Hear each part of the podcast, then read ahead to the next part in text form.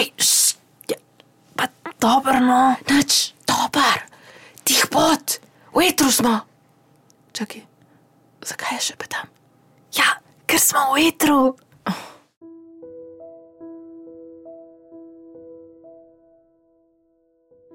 Pozdravljeni. Z vami sem Nika Pušlar in poslušate Radio Eter.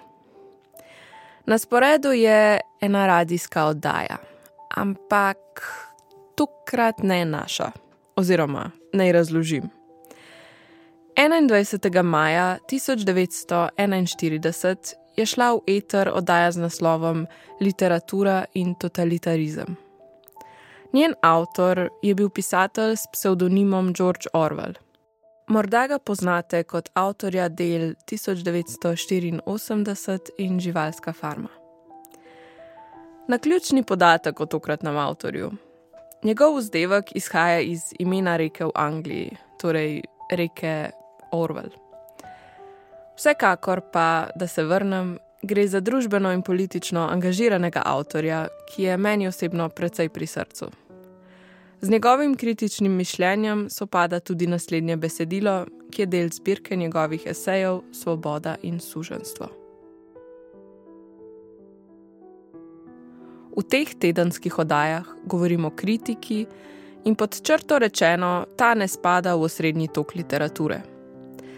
Vitalna literatura lahko preživi skoraj da brez vsakršne kritike in kritiškega duha, tako kot je v Angliji v 19. stoletju. Vendar pa problemov, ki se jih loteva vsaka resna kritika, prav zdaj z razlogom ni mogoče puščati v nemar. Ob začetku prve oddaje sem dejal, da zdaj nismo v kritiški dobi. Smo v dobi navijaštva, ne nepristranskosti. V dobi, ko je še posebej težko prepoznati literarne odlike knjige, s katerimi sklepi se človek ne strinja. Politika, v najširšem smislu, je prodrla v literaturo bolj, kot je to običajno. To pa je na gladino naše zavesti naplavilo boj, ki se nenehno odvija med posameznikom in skupnostjo. Šele ko človek pomisli, kako zahtevno je v času, kakršen je naš, pisati pošteno, objektivno kritiko, začne razumevati, kakšna grožnja v prihajajočem času visi nad celotno literaturo. Živimo v dobi, v kateri avtonomni posameznik izumira. Oziroma, bi morali morebiti reči, v kateri posameznik izgublja iluzijo, da je avtonomen. Toda, ko govorimo o literaturi, predvsem pa, ko govorimo o kritiki, brez izjeme nagonsko predpostavimo avtonomnega posameznika kot nekaj samoumevnega. Celotna sodobna evropska literatura, govorim o literaturi zadnjih 400 let, temelji na konceptu intelektualne poštenosti, oziroma, če hočete, Shakespeareovi maksimi: sam sebi bodi zvest. Od pisatelja najprej pričakujemo, da ne bo trosil laži, da bo govoril tisto, kar zares misli, kar zares čuti. Najhujše, kar lahko rečemo o neki umetnini, je, da je neiskrena. To za kritiko drži še močneje kot za literarno pisanje, kjer neka mera nastopaštva in manirizma, celo neka mera navadnega besedičenja ni prav nič usodna če pisatelj premore temeljno iskrenost. Sodobna literatura je v osnovi stvar posameznika. Ali je resnicoljuben izraz tega, kar nekdo misli in čuti, ali pa je prazen nič. Kot pravim, je ta ideja za nas samoumevna, a v istem hipu, ko je človek v besedi, se zave, kako ogrožena je literatura. Smo namreč v dobi totalitarne države, ki posamezniku ne dopusti in brško ne tudi ne more dopustiti nikakršne svobode. Kadar človek omeni totalitarizem, takoj pomisli na Nemčijo, Rusijo, Italijo, vendar bi rekel, da se mora soočiti s tveganjem, da se bo pojav razširil po vsem svetu. Očitno je, da gre obdobje svobodnega kapitalizma k kraju in da države druga za drugo prehajajo na centralizirano gospodarstvo, ki mu lahko človek reče socializem ali državni kapitalizem, kakor mu je ljubše. S tem se izteka ekonomska svoboda posameznika in v veliki meri tudi njegova svoboda, da počenja, kar želi, da si sam izbere delo, se prosto premika sem in tja po zemlji. Kaj vse to povleče za seboj, do nedavnega ni bilo predvideno. Nikdar ni bilo polnega zavedanja o tem, da bo izguba ekonomske svobode vplivala na intelektualno svobodo.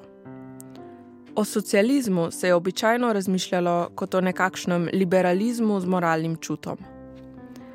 Država bo prevzela skrb za tvoje ekonomsko življenje in te osvobodila strahu pred revščino, brezposelnostjo in tako dalje, ne bo pa imela potrebe, da bi posegala v tvoje zasebno intelektualno življenje.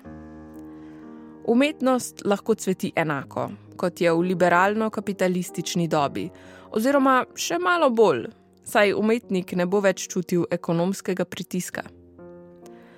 Glede na obstoječe dokaze, mora človek priznati, da so te ideje potvorjene.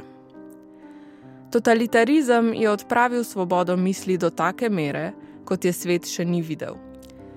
In treba se je zavedati, da njegov nadzor misli ni samo negativno, temveč tudi pozitivno opredeljen.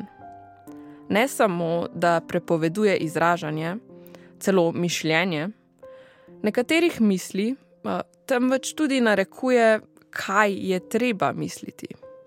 Izgraditi ideologijo se trudi polastiti tvojega čustvenega doživljanja in vzpostavi pravila ravnanja.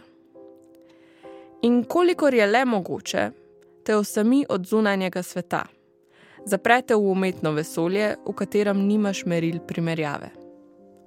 Skratka, totalitarna država se trudi nadzorovati misli in čustva svojih državljanov vsaj tako celovito, kot nadzoruje njihova dejanja. Za nas relevantno vprašanje je, ali lahko literatura preživi v takem ozračju. Mislim, da je treba na kratko odgovoriti, da ne.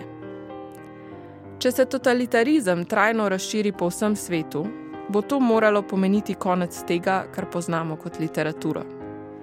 In če tudi bi se sprva utegnilo zdeti drugače, ni zadosti reči, da bo konec zgolj literature post-renesančne Evrope. Prepričan sem, da poskusi moderne države, da bi vzpostavila nadzor nad čustvenim doživljanjem posameznika, preteče ogrožajo literaturo vseh vrst od epskih pesnitev do kritiških esejev. Ljudje, ki to zanikajo, običajno navajajo dva argumenta. Najprej povedo, da je tako imenovana svoboda, ki je prisotna zadnjih nekaj stoletij, zgolj odraz ekonomske anarhije in v vsakem primeru bolj ali manj iluzija. Poleg tega poudarijo, da je v preteklih obdobjih, ko bi težko trdili, da je bila misel svobodnejša kot v tem trenutku v Nemčiji ali Rusiji, nastajala dobra literatura, boljša od česar koli, kar lahko nastane danes. To do neke mere drži. Drži, na primer, da je literatura lahko obstajala v srednjeveški Evropi, ko je bila misel pod strogim nadzorom, predvsem cerkve, in so te lahko za vsako najmanjšo krivoverno izjavo živega zažgali. Dogmatski nadzor cerkve, da nimo ni preprečil nastanka čoserjevih canterburyskih povesti. Drži tudi, da je bila srednjeveška literatura, pravzaprav srednjeveška umetnost vopče, manj stvar posameznika kot danes in v večji meri stvar skupnosti. Angliških balad brško ne niti ne moremo pripisati enemu samemu posamezniku. Verjetno so nastajale družno, na tak način, kot sem mu bil pred nedavnim priča v vzhodnih državah.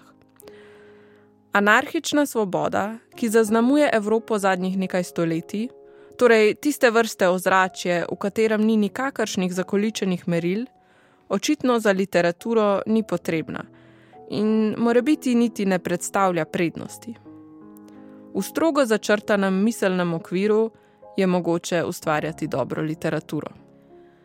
Je pa med totalitarizmom in vsemi ortodoksijami preteklosti, bodi si v Evropi ali na vzhodu, nekaj bistvenih razlik.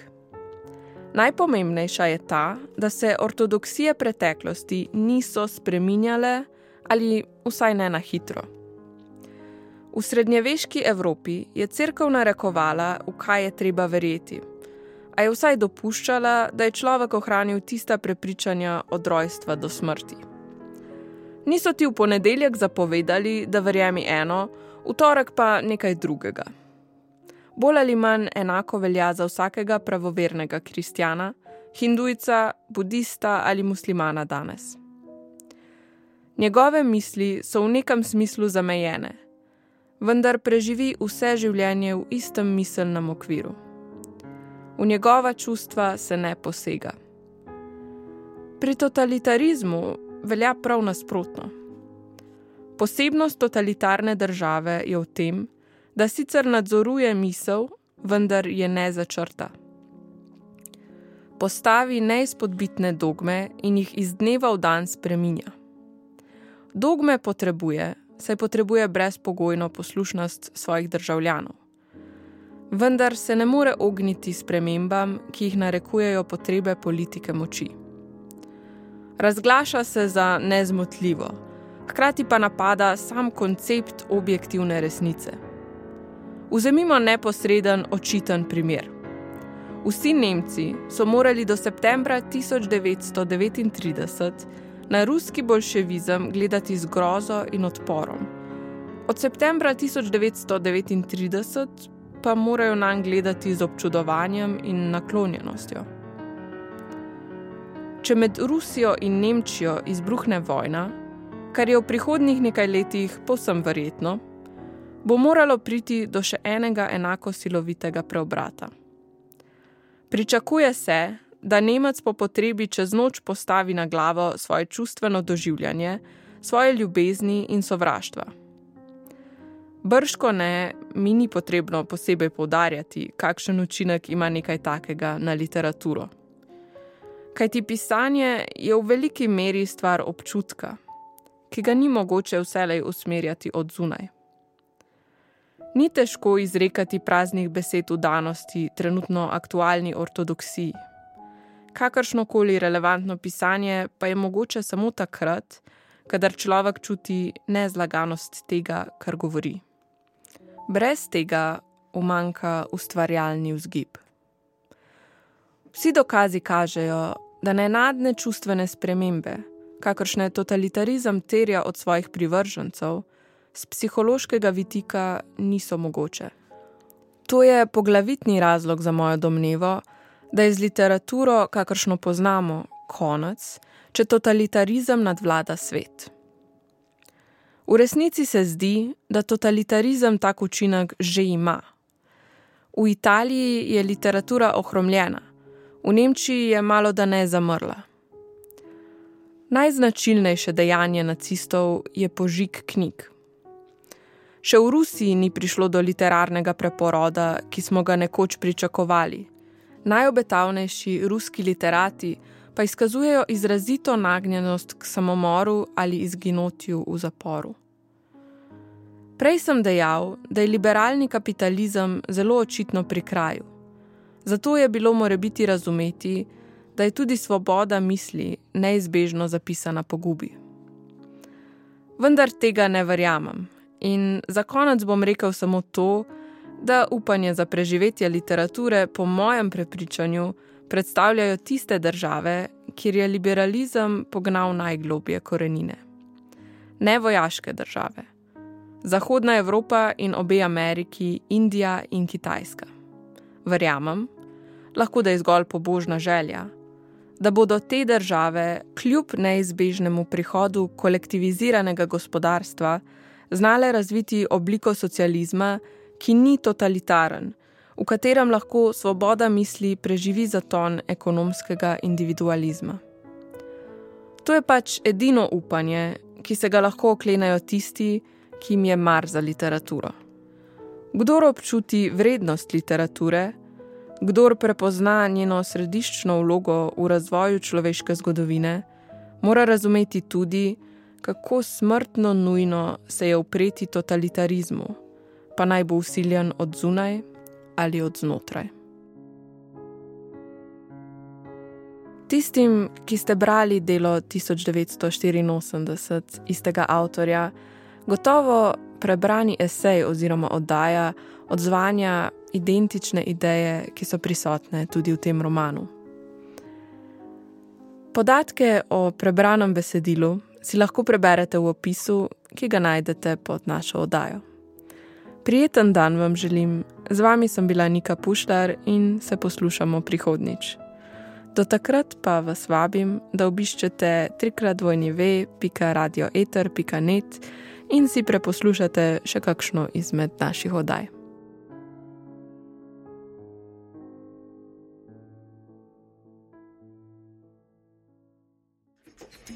No, špela, kaj ko bi delila z nami nekaj veznikov na E? E in, e pa, e ko, eter, eter.